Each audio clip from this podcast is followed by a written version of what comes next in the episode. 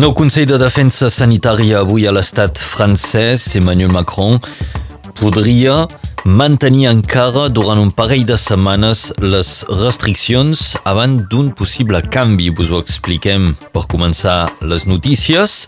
També ens interessarem a Catalunya Sud, on semblaria que hi hagi una desacceleració de la sisena onada. En canvi, l'impacte a les escoles, als col·legis i liceus, doncs encara és important. L'Universitat Catalana d'Estiu podria tornar al Liceu Renovier de Prada, en tot cas aquesta és la voluntat de la directora del Liceu. Però començarem ara mateix amb aquesta nova jornada d'acció al món educatiu.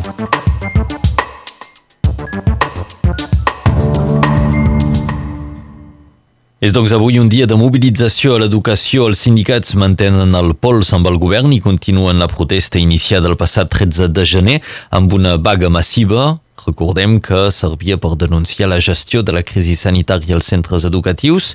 Avui les reivindicacions són semblants i els sindicats no han cridat a una vaga, sinó que convoquen una marxa de torxes. Serà a les 6 de la tarda al peu del Castellet. La manifestació eh, que hi ha prevista avui doncs ha estat convocada pels sindicats FSU, UNSA, la CGT Sud i FO i també rep el suport de la Federació dels Consells de Pares d'Alumnes, la FCPE. Les xifres de l'epidèmia de Covid-19 segueixen indicant una ràpida extensió del virus, una ràpida expansió, perdó, a Catalunya Nord. La incidència puja a 2.619 casos positius per 100.000 habitants. A l'Hospital de Perpinyà, 196 pacients estaven hospitalitzats ahir, 24 malalts estaven en reanimació, unes xifres estables que contrasten amb la lleugera baixada d'hospitalitzacions, menys 3,3% que s'ha constatat al conjunt de l'Estat.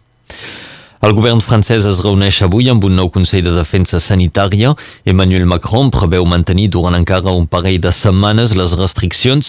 Després, si la situació millora, es podrien esperar un alleugeriment de les restriccions sobre la limitació del nombre de persones als estadis, a les sales d'espectacle o encara la fi de l'obligació del teletreball i la reobertura de les discoteques.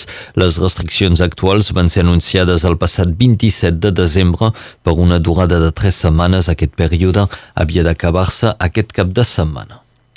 A Catalunya Sud, la multiplicació de contagis després de les vacances de Nadal es nota sobretot als centres educatius. Ahir hi havia més de 93.000 alumnes confinats a tot el Principat, el que representa un 6,5% de tot els estudiants. Aquestes xifres no s'havien vist mai encara des de l'inici de l'epidèmia. I mentrestant, les xifres de la Covid a Catalunya Sud semblen indicar una desacceleració de la sisena onada. El nombre de contagis ha deixat d'augmentar i el nombre d'hospitalitzacions en cures intensives sembla que també vagi baixant. Els efectes de la tercera dosi del vaccí es comencen a fer notar i a partir d'ara els joves d'entre 18 i 29 anys també podran fer-se vaccinar amb la tercera dosi a condició de haver fet la segona injecció 8 mesos abans d'aquesta tercera dosi. La Universitat Catalana d'Estiu podria tornar al Liceu Renovier de Prada. La directora del Liceu Charles Renovier s'ha declarat molt favorable al retorn de l'UC durant l'estiu a les instal·lacions del seu establiment. Florence Gelli, anomenada provisor, a l'agost passat vol dinamitzar el seu liceu obrint-lo cap a la vila. Explicacions avui amb l'Enric Balaguer. Els darrers anys, les activitats de la Universitat Catalana d'Estiu al Liceu Renovier van ser contrariades per diversos entrebancs. A més, les edicions 2020 i 2021 van ser encara més afectades per la crisi sanitària. L'UCE només va poder utilitzar les seves pròpies instal·lacions de Bayroc per l'allotjament i les activitats acadèmiques i també alguns locals posats a disposició per l'Ajuntament. La provisora, Florence Geli, vol una estreta col·laboració amb les activitats culturals que marquen la vida de la capital del Conflent durant l'estiu, com ara el Festival Pau Casals, la Cine Rencontre i la Universitat Catalana d'Estiu. Florence Gerí també desitja que aquests actors culturals facin intervencions al Liceu durant el període escolar. Al Liceu Renouvier hi ha previstos diversos equipaments futurs, com ara una sala de teatre i la millora de les instal·lacions de l'internat. Les obres s'han de realitzar a partir de l'estiu 2022. A l'estiu 2023, l'establiment disposarà de la seva total capacitat en terme d'allotjament. Aquesta voluntat de la direcció ha de ser concretada mitjançant un nou conveni entre la Universitat Catalana d'Estiu, la Societat d'Economia Mixta de Prada, la regió Occitanie i el Liceu. I és ben segon tema que anirem seguint aquí a Radio Arrels. Moltes gràcies, Enric Balaguer. Es confirma la pista de l'assassinat després de la descoberta d'un cos dissabte passat al camí de la Codina de Perpinyà. L'autòpsia realitzada dimarts ha determinat que la víctima va morir setmanes o mesos enrere per diversos trets de bala. De moment no s'ha pogut identificar el cos. La investigació de la policia judicial de Perpinyà continua. I un accident de trànsit es va produir ahir a l'autopista A9, just abans del peatge de Ribes Altes. Una família circulava en un vehicle quan de cop van fallar els frens. L'automòbil va xocar contra un camió. Un tercer vehicle va ser implicat en aquest accident. Afortunadament, l'accident no va fer cap víctima. Una via de circulació de l'autopista va ser tancada durant unes hores mentre intervenien els socors. L'alcaldessa de Barcelona de Colau és investigada per possibles delictes de prevaricació, frau en la, la contractació, malversació, tràfic d'influències i negociacions prohibides a funcionari públic. Se sospita que de Colau hauria concedit subvencions i convenis de manera arbitrària a entitats afins al Partit dels Comuns. La badiessa de Barcelona haurà de compareixer el dia 4 de març davant d'un jutge d'instrucció i el Tribunal Europeu de Drets Humans ha refusat el recurs presentat pels joves del Tsasu, condemnats l'any 2016 per una baralla amb dos guàrdies civils fora de servei en una localitat navarresa. Per una baralla de bar, els joves fins i tot van ser acusats de terrorisme per la Fiscalia espanyola. La justícia no va considerar aquest agreujant, però els va condemnar a penes de fins a 9 anys i mig de presó. Els joves van portar el cas al Tribunal Europeu de Drets Humans perquè consideraven que no havien tingut un judici just i que les penes havien estat desproporcionades. El Tribunal Europeu no ha acceptat llurs recurs i tots hauran d'acabar de complir la condemna a presó.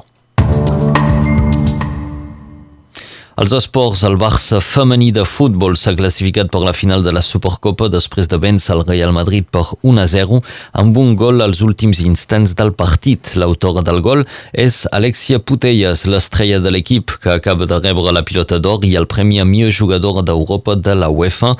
La final es jugarà diumenge a les 6 de la tarda. El rival encara queda per definir.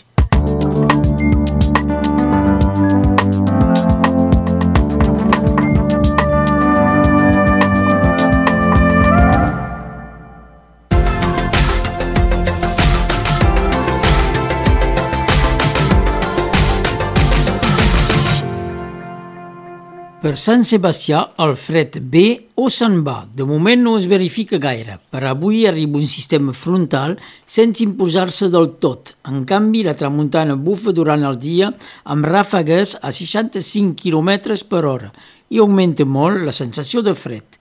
Dominen les clarianes amb intervals de núvols alts. Cap al vespre, a l'oest de la nostra geografia, l'Alconflent, la Cerdanya i el Capcí, es veu arribar núvols. Podria caure uns flocs de neus per sobre dels 800 metres. La situació anticiclònica i assolellada tornarà demà. Per les màximes d'avui, 9 a Ió, 4 a Matamala, 6 a Igatèbia, 7 a Fontpedrosa, 11 als Masos, 12 a Nefiac, 13 a Tuí, 12 a Sant Andreu de Soreda, 13 a Cervera, Reiners i Pesia de la Ribera, 9 a Costuja, 10 a Sant Pau de Fenollet.